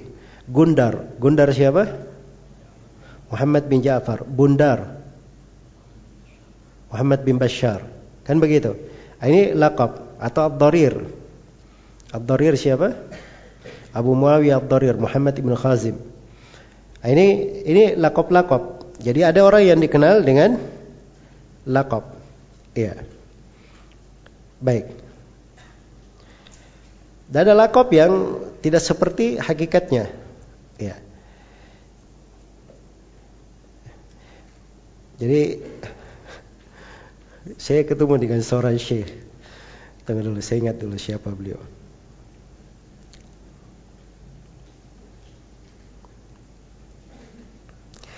Syekh ini ketemu dengan Syekh Mukbil dan Syekh Mukbil waktu itu lagi sakit. Syekh Mukbil bertanya kepadanya, "Ya Syekh, ada fulan abdal dan satu lagi fulan abdaif. Dia dal dan daif tapi haditnya diterima." Ya, Syekhnya berpikir, ya Syekh saya nggak tahu siapa orangnya. Yang penting saya tahu ini kayaknya pertanyaan antum ada jebakan di dalamnya. Ada jebakan di dalam pertanyaan ini. Ya. Jadi ada rawi, dia disebut abdaif. Dia daif kenapa? Bukan riwayatnya, dia punya penyakit di belakang punggungnya sini. Apa dia punya penyakit akhirnya apa dia jadi lemah. Dia akhirnya jadi lemah. Makanya dibilang abdaif, bukan dari sisi riwayat, tapi karena dia sering apa? Sering sakit. Dikatakan abdal, bukan dia menyimpang, bukan tersesat sehingga tidak ada adalahnya. Dia dikatakan abdal itu gelar karena dia bila, pernah hilang di Mekah. Dia pernah hilang di Mekah. Jadi dikasih dua pertanyaan oleh Syekh. Syekhnya bilang saya nggak tahu siapa namanya. Tapi saya yakin ada jebakan di situ. Ya benar memang. Ya jelas ya. Baik, jadi ada lakop-lakop kadang ya itu tidak seperti dohirnya. Jadi penting ini mengenal lakop itu supaya orang tidak terkecoh dengan apa? Dengan dohirnya. Baik. Berikutnya bentuk yang ke-60, mengenal mufradat dari nama, kunyah dan laqab. Wa ma'rifatul mufradat min dzalika. Nama-nama kunyah, laqab ada yang berulang. Misalnya nama Muhammad. Wah ini Muhammad ini paling banyak yang bernama dengan Muhammad dari rawi-rawi. Jelas ya, sampai Ibnu Hajar di Tahdibut Tahdib dua jilid yang nama Muhammad. Ya, saking banyak ya. Baik. Nah, itu kan nama. Atau yang berkunya Abu Abdullah. Wah, Abu Abdullah banyak sekali yang berkunya dengan Abu Abdullah. Jelas ya? Atau ada kunya dikenal dalam satu tabakat. Sama. Misalnya Abu Muawiyah di satu tabakat. Muhammad bin Khazim Abdarir. Terus? Ayo. Abu Muawiyah. Satu Muhammad bin Khazim Abdarir. Yang berkunya Abu Muawiyah. Hmm. Syaiban Ibn Abdurrahman. Ayo cepat. Hah? Yazid bin Zurai. Terus satu lagi. Nah, ini yang lebih masyhur sebenarnya. Hushaim ibn Bashir. Ada empat. Nah, ini satu apa? Di satu tabakat. Tapi semuanya siapa? Abu Muawiyah. Semuanya Abu Muawiyah. Ya, kalau dia lihat Abu Muawiyah, ini juga Abu Muawiyah, ini Abu Muawiyah. Kan bingung. Nah, ini fungsinya mengenal apa? mengenal kunyah-kunyah. Jelas ya? Ah, sama dengan lakop, ada sebagian lakop mirip. Ah, tapi dari nama kunyah lakop ini ada yang mufradat. Apa artinya mufradat? Tidak ada yang bernama dengan nama itu kecuali dia saja dalam seluruh rawi. Tidak ada yang pakai kunyah itu kecuali dia saja. Tidak ada yang pakai lakop itu kecuali dia saja. Nah, ini al-mufradat namanya. Ya. Jelas ya? Al-mufradat. Dan seperti ini agak mudah ya, karena cukup dihafal saja orang-orang yang asing ini. Nama-namanya kan tidak tidak ada yang gunakan dari rawi kecuali dia saja. Baik. Iya. Dan itu ditulis oleh Al-Bardiji Al-Bardiji menulis buku di situ Tabaqat Al-Asma Al-Mufrada. Iya. Seperti sandar, Abu Sanabil. Sandar itu nama ya, sandar. Iya. Cuman satu saya. Saya nggak tahu kalau musaddad ya. Musaddad bin Musarsad, ya, dan seterusnya yang kelanjutannya ini yang kadang ada masalah di riwayat. Ada yang berkunyah Abu Sanabil, dia cuma satu saja itu Abu Sanabil. Ada yang lakopnya Mushkadana. Mushkadana ini cuma satu aja. Jelas ya? Tidak ada lagi yang lain. Baik. Berikutnya bentuk yang ke-61. Mengenal rawi yang terkenal dengan nama tanpa kunyah. Ya. Ada rawi terkenal dengan namanya. Bukan dengan apa? Bukan dengan kunyahnya. Kunyahnya dikenal. Tapi dia dikenal, lebih dikenal dengan siapa? Dengan namanya. Ya, misalnya Al Hasan Al Basri. Al Hasan Al Basri lebih dikenal dengan siapa? Namanya. Iya. Jarang ada orang yang mengenal kunyahnya, kan begitu? Ya. Ini kalau dia dikenal dengan nama, ya mudah. Kalau dia dikenal dengan nama, kita ketika menyebutnya, kita sebut nama, jangan sebut kunyah. Kalau disebut kunyah, padahal dia dikenal dengan nama, ah, ini bisa masuk ke tadlis. Tadlis apa namanya kemarin? Tadlis syuh. Jelas ya? Ingin dia berikan apa? Berikan iham. Baik. Dan bentuk yang ke-62 sebaliknya. Rawi yang terkenal dengan kunyah tanpa nama. Ada yang sebaliknya, dia dikenal dengan kunyahnya. Dia dikenal dengan kunyahnya, tidak dengan apa? Tidak dengan namanya. Ada yang dikenal dia dengan lakopnya. Misalnya Al-Amash. Kan dikenal dengan apa? Lakopnya. Tapi kadang disebut juga Haddathana Sulaiman. Maksudnya Sulaiman bin Mihran Al-Amash. Ada yang kadang dia seperti Abu Duha. Lebih terkenal dengan apa? Kunianya. Tapi kadang di sebagian riwayat disebut haddatsana Muslim Ibnu Subaih. Jelasnya?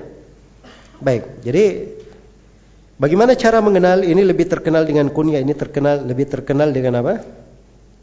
Dengan dengan nama. Nah, itu caranya pertama ada imam yang mengatakan seperti itu. Imam yang mengatakan seperti itu. Ya, dia baca di buku biografi rawi yang ditulis oleh para imam, dia katakan seperti itu dia pegang. Ya. Dan cara lain dia banyak baca buku-buku hadis. Kalau dia banyak baca buku-buku hadis, dia akan lihat nanti rawi ini kalau misalnya, apalagi kalau rawinya berada di dalam kutubus sita, rawi Bukhari, Muslim, Abu Dawud, At-Tirmidzi, dan Nasai, Ibnu Majah, ini akan mudah nanti di dalam mempelajarinya. Sebab rawinya itu berputar di situ-situ juga, mayoritasnya itu itu. Jadi bisa diketahui kebanyakan rawi, walaupun ada sebagian rawi yang perlu dihafal khusus terkait dengan rawi tersebut. Baik. Kemudian berikutnya bentuk yang ke-63 mengenai rawi yang namanya sama dengan nama ayahnya. Nah, ini man wafaqa ismuhu ismu abihi. Ya. Orang yang namanya sama dengan apa? Nama ayahnya. Ya. Seperti Abu Ahmad Al-Hakim, Muhammad bin Muhammad bin Muhammad bin siapa begitu? Tiga. Jelas ya? Jadi nama beliau nama ayahnya sama. Nah, seperti Ibnu Sayyidin Nas. Ada Ibnu Sayyidin Nas meninggal pada tahun 334 Hijriah. Namanya Muhammad bin Muhammad bin Muhammad bin Ahmad bin Abdullah. Iya. Jelas ya? Ada cucu Ali bin Abi Thalib namanya Al Hasan Ibnu Al Hasan Ibnu Al Hasan Ibn Ali bin Abi Talib. Ya, jadi tiga kali Al Hasan. Iya. Baik. Apa fungsinya kita mengenal ini? Supaya jangan ada yang aneh saja. Ini kok sama nama dia dengan nama ayahnya. Barangkali ini salah tulis.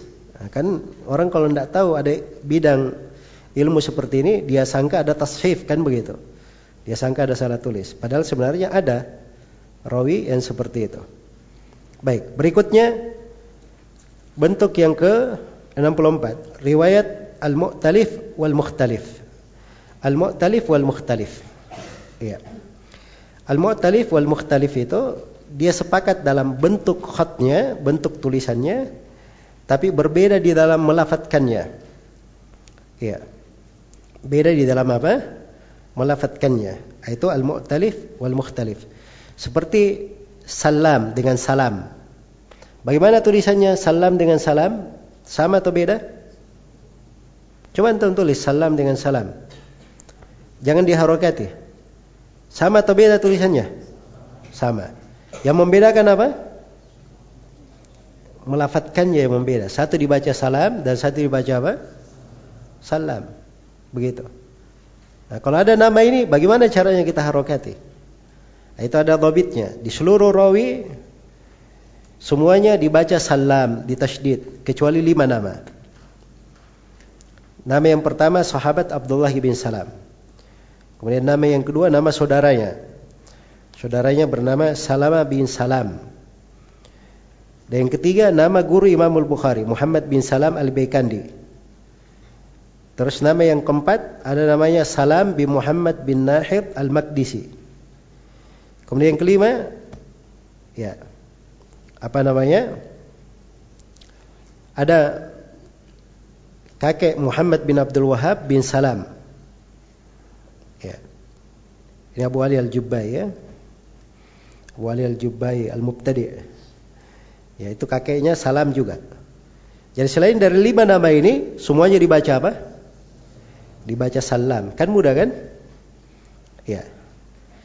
Baik, Salam bin Sulaim, Ibnu Abi Salam, Ya. Dan selainnya dari nama-nama yang berlalu di rawi-rawi. Itu contoh, ya. Contoh dari penamaan. Ya. Seperti misalnya akil dengan ukail. Ya. Akil dengan apa? Ukail.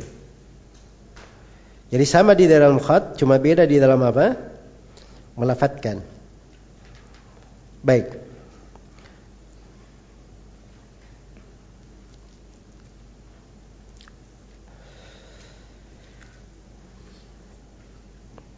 Ini ada buku-buku ditulis di sini. Ada buku Ad-Darqutni Al-Mu'talif wal Mukhtalif. Kemudian ada buku Imam Abdul Ghani bin Said Al-Misri juga judulnya Al-Mu'talif wal Mukhtalif.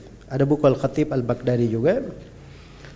Dan ada buku di sini juga ada buku Ad-Dahabi dan Ibnu Hajar rahimahumullahu taala. Seputar ini pembahasan Al-Mu'talif wal Mukhtalif. Berikutnya bentuk yang ke-65, riwayat Al-Muttafiq wal Muftariq. Al-muttafiq wal muftarik sama di dalam lafaz dan khatnya. Tapi beda orangnya. Beda orangnya. Contoh Al-Khalil bin Ahmad. Yang bernama Al-Khalil bin Ahmad ada enam orang. Namanya sama. Lafadznya, bacanya sama. Kalau yang pertama tadi kan tulisannya sama tapi melafatkannya apa? Beda. Kalau al-mu'talif wal mukhtalif tulisannya sama melafatkannya apa? Beda.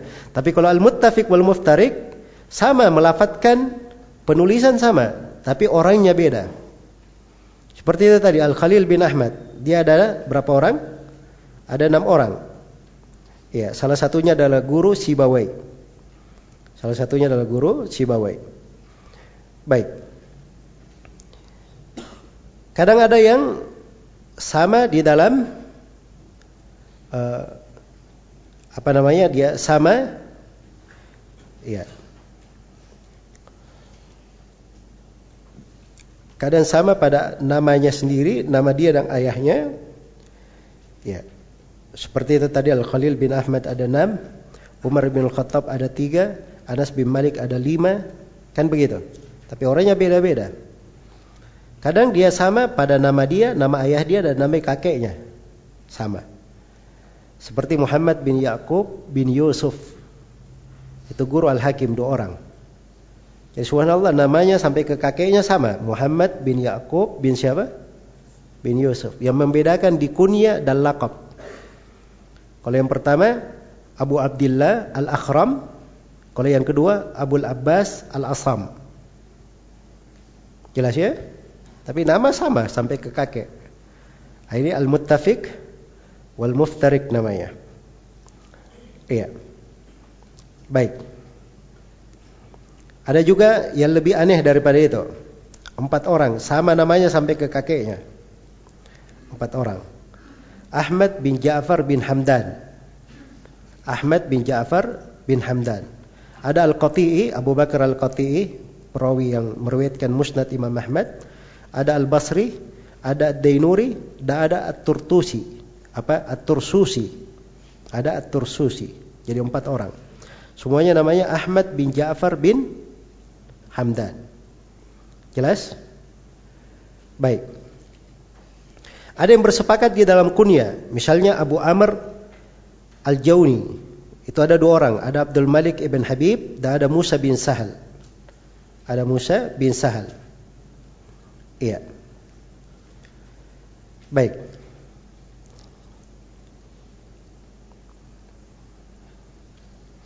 Dan ada yang sepakat namanya, nama ayahnya dan nama lakopnya.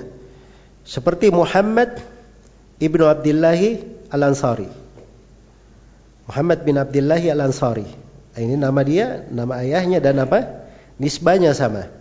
Yang satunya Al-Qadhi Al-Mashhur. Ya. Al-Qadhi dan yang satunya lagi Abu Salama Al-Basri dia dhaif. Baik. Nah, itu bentuk-bentuk al-muttafiq wal muftarik. Jadi kalau kita mau belajar yang kayak gini di Sahih Bukhari dan Sahih Muslim juga ada ya. Contoh misalnya Al-Bukhari punya empat guru namanya Abdullah bin Muhammad. Hmm, siapa itu? Yang pertama Abdullah bin Muhammad Al-Musnad Al-Ju'fi. Yang kedua Abdullah bin Muhammad Abu Bakar bin Abi Syaibah. Yang ketiga Abdullah bin Muhammad Hah? bin Asma. Yang keempat Abdullah bin Muhammad bin Abil Aswad. Nah, ini Al-Bukhari saja ya.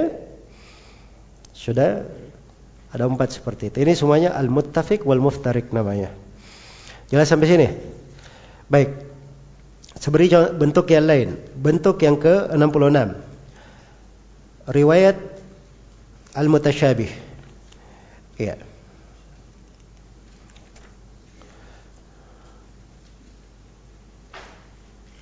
Baik. Kata beliau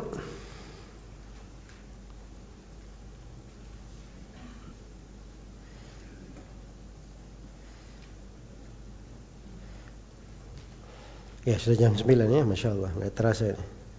Sebenarnya mau diselesaikan malam ini cuman Oh masih ada yang penting-penting di sini terkait dengan ma'rifatul thiqat, du'afa. Ya baik kita selesaikan nanti di sesi terakhir sesuai dengan jadwal. Sesi terakhir kapan? Hah? Semalam insyaallah. Sisa sedikit sebenarnya. Sudah selesai 65. Ya berarti sekitar 20 lagi bentuk. Insyaallah kita selesaikan besok malam. Baik, ada pertanyaan sampai sini?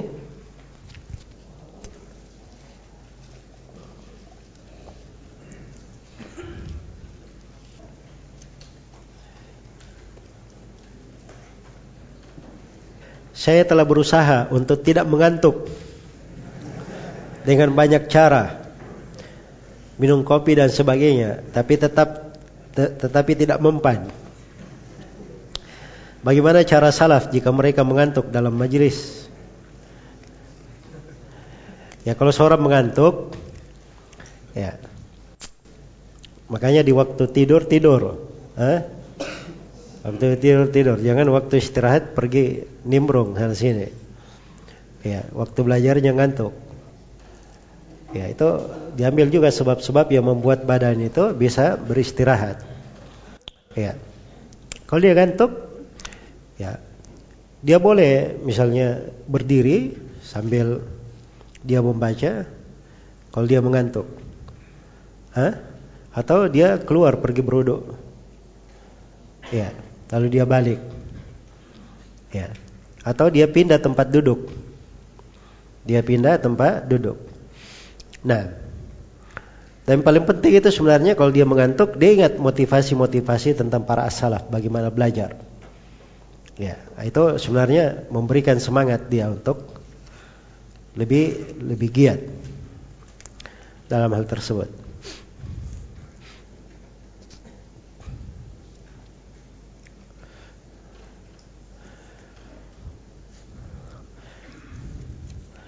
Pertanyaannya sesuai materi aja ya, saya jawab.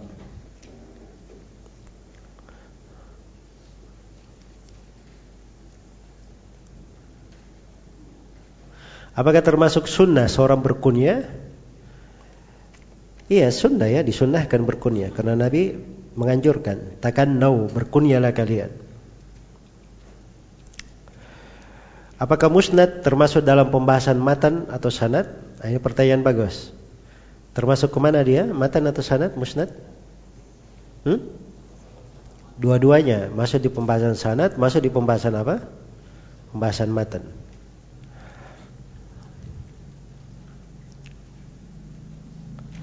Bisakah kita katakan bahwa sahabat diketahui dengan dalil Al-Quran dan As-Sunnah Dalam Al-Quran Zaid ibn Haritha Cuman satu-satunya sahabat yang disebut namanya dalam Al-Quran Jelas ya? Di hadith, ya Kalau ya di riwayat ya, kan saya sudah sebutkan tadi ya, Sahabat dia sebut sahabat yang lain Kan begitu Jadi kalau sahabat meriwayatkan dalam hadith Ada nama sahabat itu ya Itu masuk di sahabat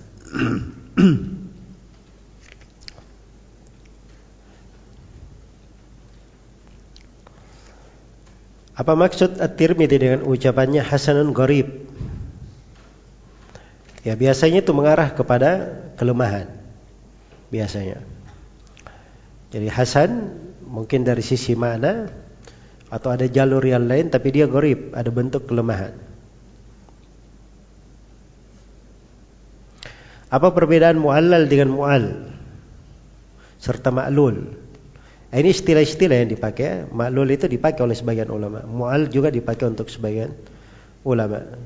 Dari sisi ilmu sorofnya itu dekatnya dikatakan mu'al. Jelas ya? Kalau ada ilahnya.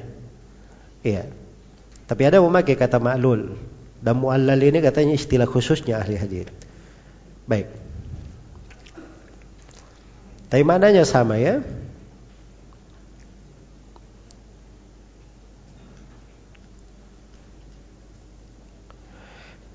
Jika ada sebuah hadis diriwayatkan oleh dua imam pemilik kitab tertentu melalui sahabat yang sama, apa dianggap dua hadis? Enggak, dianggap satu hadis. Jadi satu hadis dari satu sahabat satu hadis. Siapa yang meriwayatkan hadis ini? Banyak. Al-Bukhari, Muslim, Abu Daud. Mau disebut seratus enggak ada masalah. Dia satu hadis terhitungnya.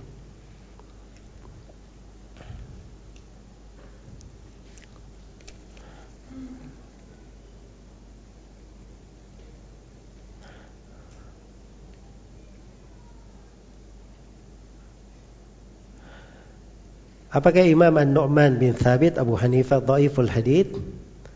Apa alasannya? Padahal beliau imam madhab. Ada imam-imam ya yang terkenal di masa dahulu, lebih terkenal dari Imam Abu Hanifah. Ya, tapi juga dhaif dalam hadith. Dhaif dalam hadith.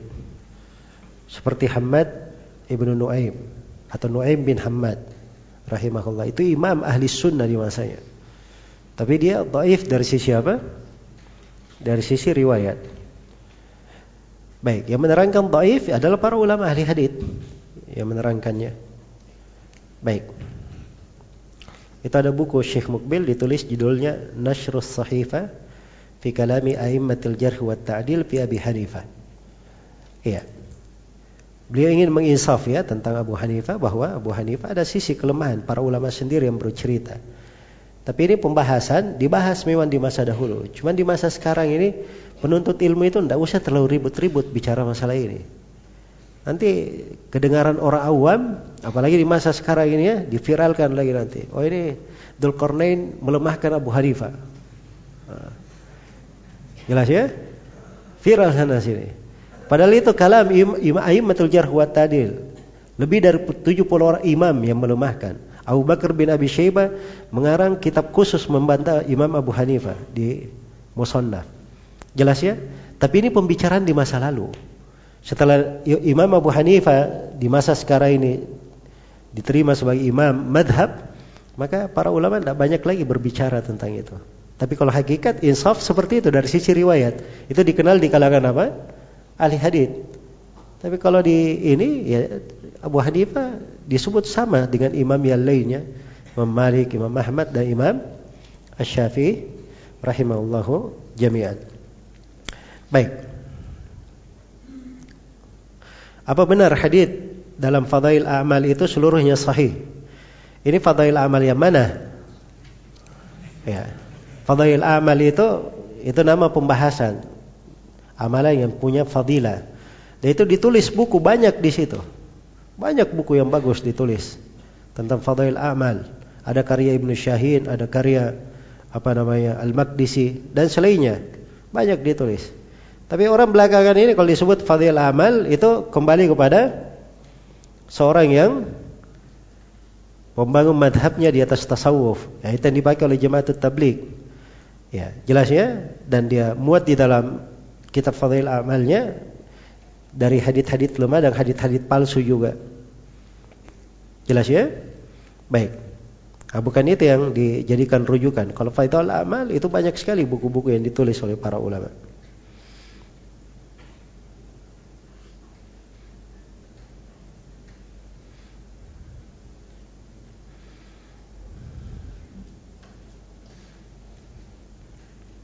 Itu kalau di sudah belajar ilmu mustalah ada satu cabang namanya ilmu takhrij. Jadi seorang itu kalau dia mau tanya hadit ya dia bisa cari sendiri haditnya. Jadi hadit itu mau bagaimanapun bentuknya itu bisa dilacak di buku-buku hadit. Jadi seorang tidak mengerti bahasa Arab. Dia punya makna saja, makna haditnya begini. Nah, itu bisa dilacak di mana dia cari hadits yang seperti itu. Dia punya satu rawi di dalam sanad, dia bisa lacak di mana hadits itu berada. Dia punya nama sahabatnya itu lebih mudah lagi. Jelas ya? Dia punya potongan dari hadits, bisa dilacak di mana dia ketemukan hadits tersebut. Baik. Itu ada ada pelajaran khususnya ya tentang hal tersebut. Jadi kadang sebagian ikhwan kalau bertanya tentang derajat hadit di sini kadang saya tidak bisa menghadirkan saya tidak hafal kadang haditnya kadang kalau di riwayat selain Bukhari dan Muslim perlu kita periksa sanatnya kan begitu baik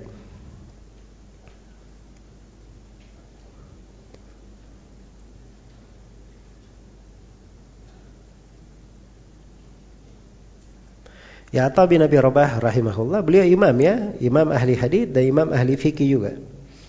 Dan riwayat-riwayat beliau masyhur dalam riwayat Bukhari dan Muslim, kutubus sita bersepakat dalam meriwayatkan hadith-hadithnya.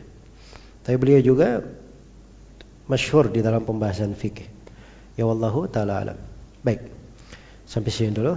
Insyaallah taala kita lanjutkan di pertemuan di sesi yang terakhir besok.